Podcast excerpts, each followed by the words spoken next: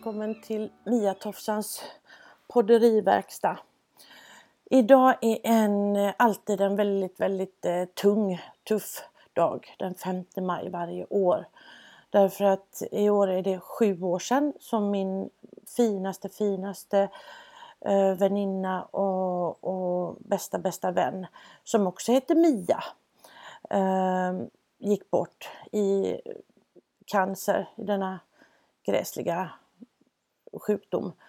Um, och uh, när... Mm, ja, alltså jag, jag är alltid tagen. Och jag är i och för sig väldigt glad för att jag är det därför att uh, sorg går ju också över i väldigt vackra minnen. Uh, och, och det blir väldigt, väldigt extra varmt i hjärtat. Men just den där förbannade dagen när, när människor som man älskar liksom bara plupp så är de inte här längre. Den, den känslan, den där, de där första timmarna man inser att man har haft dem vid sin sida länge som man älskar och, och, och framförallt relation, haft den relationen eh, som jag hade den stora glädjen av att få ha med min Mia som också var väldigt många människors Mia, för det var en sån där stjärna eh, som, som lyste så klart och var så varm och så mycket skratt och, och härligheter så att eh, det är många som, som känner så förstås men det här är min relation med min Mia. Och eh, det är såklart att de där första timmarna eh, när det ska sjunka in även om det var en två år lång eh, kamp från det att vi fick reda på det här tills hon gick bort. Men hur mycket man än eh, alltså, tar in så mycket man kan såklart. När någon är så, blir så sjuk och så, så finns ju hoppet hela tiden. Och eh, Mia var bara 42 år och relativt nybliven andra barns mamma. Eh, så att eh, det var ofattbart såklart. Men eh, Eh, just de timmarna som sagt eh, det, det kommer alltid att slå lika hårt varje gång man liksom glimtar på den dörren. Mm, så det är en, det är en, en väldigt sorgsen dag. Eh, och ehm, jag har gjort någonting i sju år som jag lovade Mia sista gången vi, vi sågs eh, som jag gjort idag också då som sagt och det är så här att eh, sista gången vi sågs så eh, efteråt har jag nog förstått att Mia visste att det inte var så där stora chanser att vi skulle eh, mötas igen. Jag ville nog inte riktigt ta in det men eh, och vi försökte småprata, hon var jättesjuk, hon var hemma vid det här tillfället eh, fortfarande. Um, och eh, vi satt i hennes sovrum och försökte att köta. Hon brukade alltid säga eh, Nej, berätta någonting. Och jag har väl varit lite av en, en eh, pratmaskin definitivt. Det har jag redan, tror jag, fått er att förstå. Men jag har gillat att, att berätta mina historier om saker och ditten och datten och vad det kan ha varit. Så vi försökte väl att, att kämpa på där med några jävla gammal eh, historia eller vad det kan ha varit. Och sen så, så blev Mia trött och det var dags att, att, att säga hej då. Eh, och vi kramades och jag visste att Mias största önskan var att vi inte skulle prata om tråkiga saker och vi skulle försöka att hålla modet uppe. Men just eh, den här gången så klarade jag inte helt och hållet att hålla tårarna borta. Så när vi kramades så såg hon väl att mina tårar trillade. Och då eh, så tittar vi varandra i ögonen och så tror jag faktiskt att hon tar tag lite grann i min arm. Uh, och, och så säger hon, nej vet du vad? Nu går du ut och sätter dig i bilen och så kabbar du ner. Uh, och så sätter du på alldeles för hög musik, helst någon av de där gräsliga låtarna som vi har lyssnat på så många gånger. Uh, och så sjunger du högt och så kör du självklart för fort. Uh, så ses vi snart. Och det gjorde jag. Uh, och jag fick jag hade såklart enorma problem att hålla mig på, på vägen, på motorvägen. Eh, förblindad av alla dessa, alltså, dessa tårar och, och känsloflöde. Men jag gjorde det. Och eh, sen bestämde jag mig för ett år efter att jag skulle göra likadant eh, den 5 maj då. Och nu var, det, nu var det sjunde gången och nu fick jag ju ta min, eh, min lilla Fiat 500 cabriolet när nere i Portugal i karantän och med körförbud så kändes det lite, lite eh, rörigt och vingligt. Men å andra sidan så var det ju definitivt jag och Mia ihop. Eh, för att hon var ganska rörig och vinglig på sitt håll och jag är det definitivt på mitt. Och jag har hållit den fanan högt, det ska gudarna veta.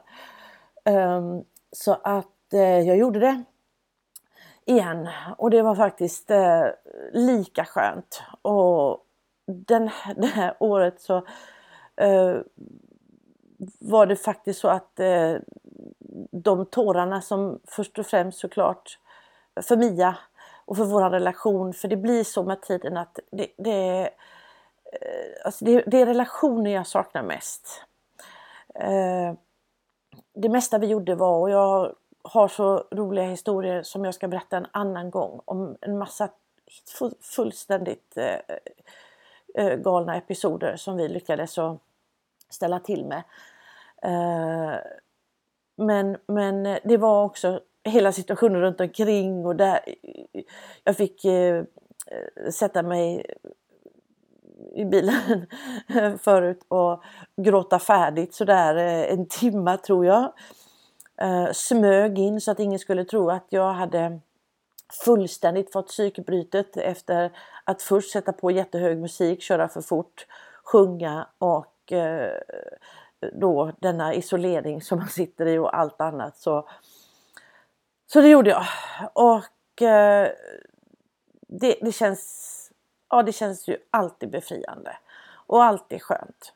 Eh, men det gör alltid lika ont, dessa förluster som, som man har. Och så kan jag då eh, inte alltid ta till mig det där, de där liksom visdomsorden och, och att man ska ta vara på Eh, det här och varje dag och njuta och allting. Det har definitivt inte kommit med coronan utan jag har nog alltid känt så. Men däremot så brukar det smyga sig på en, en tacksamhet.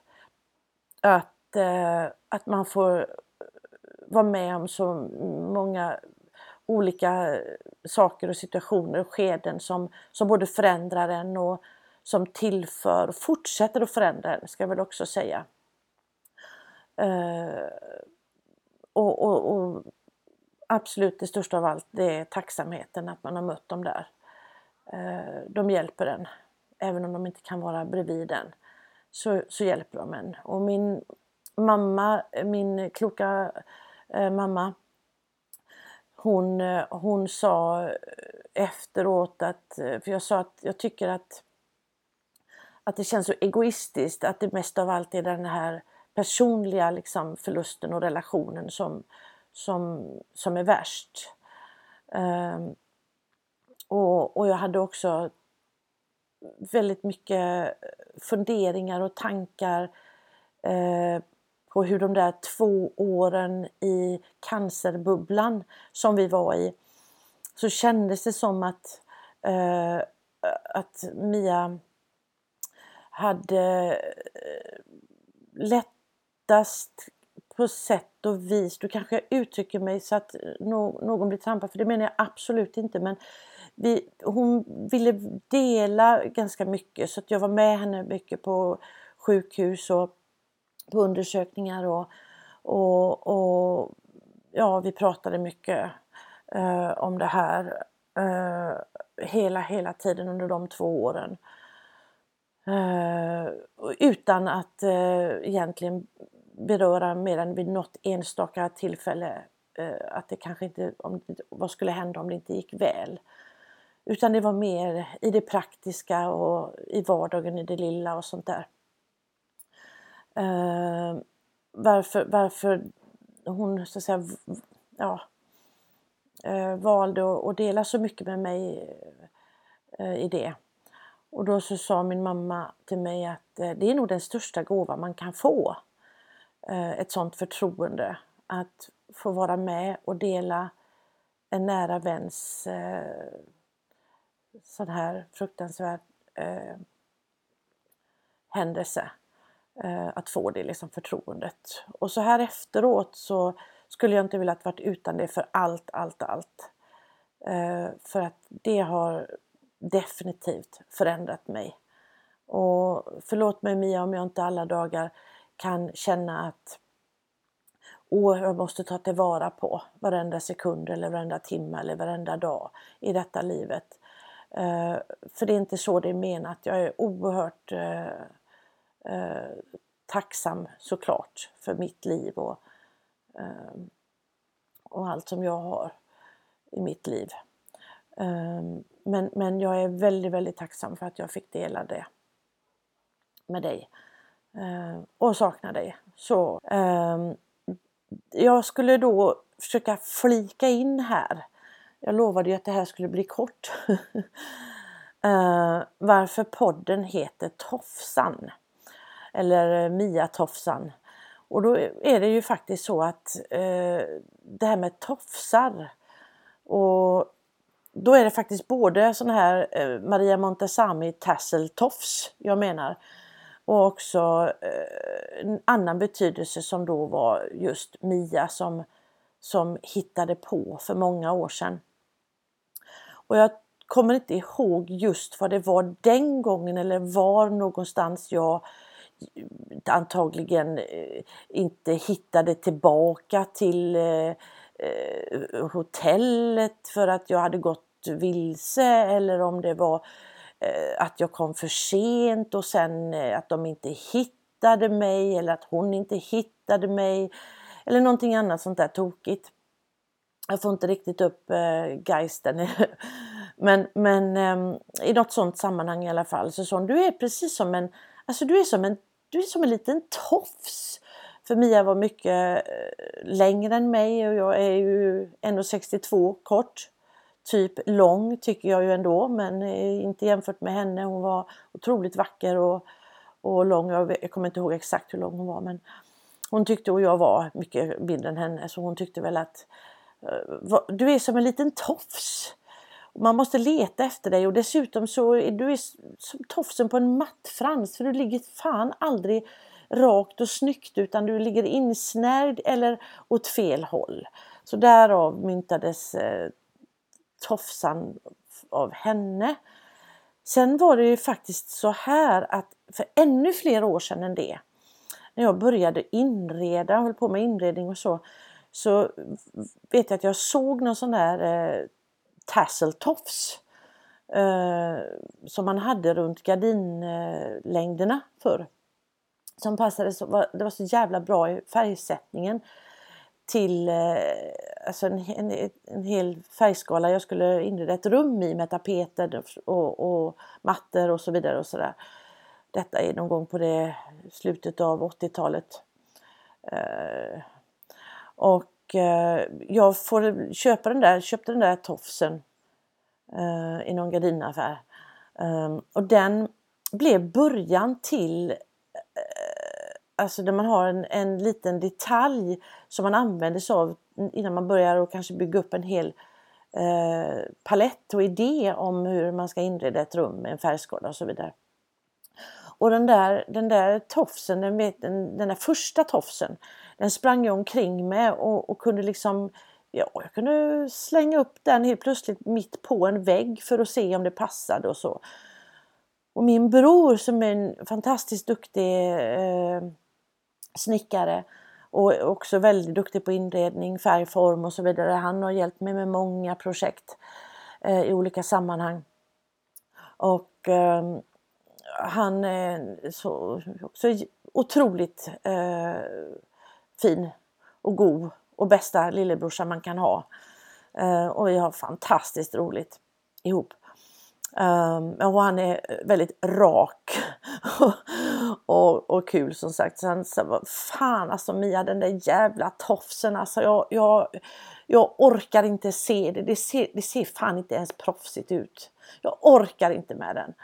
Så den episoden med tofsen och som sen också blev ett verktyg under några år. Inte, inte just den tack och lov. Um, men som redskap så, så, så blev det tofsar i några år som, uh, som var med. Och sen när det här kom uh, och jag tror inte att Mia någonsin hade hört talas om tofsen på det sättet. Så då, ja, då, då fanns det där. Um, så att Eh, sen har det legat i träda i många, många, många år och tack gode gud jag tog inte upp trenden när den här Maria Montazami började tofsa till sig. Eh, men sen eh, så ja, så har jag väl ändå känt mig som tofsan. Så därav att jag döpte podden till det. Så nu vet ni att det hängde ihop också med min, med min Mia. Ja, jag tror att det får räcka så för idag. Eh, och eh, Tack för att ni lyssnade och hoppas att ni vill lyssna igen. Många pussar och kramar. Puss puss, hej! alla måsarna och göra så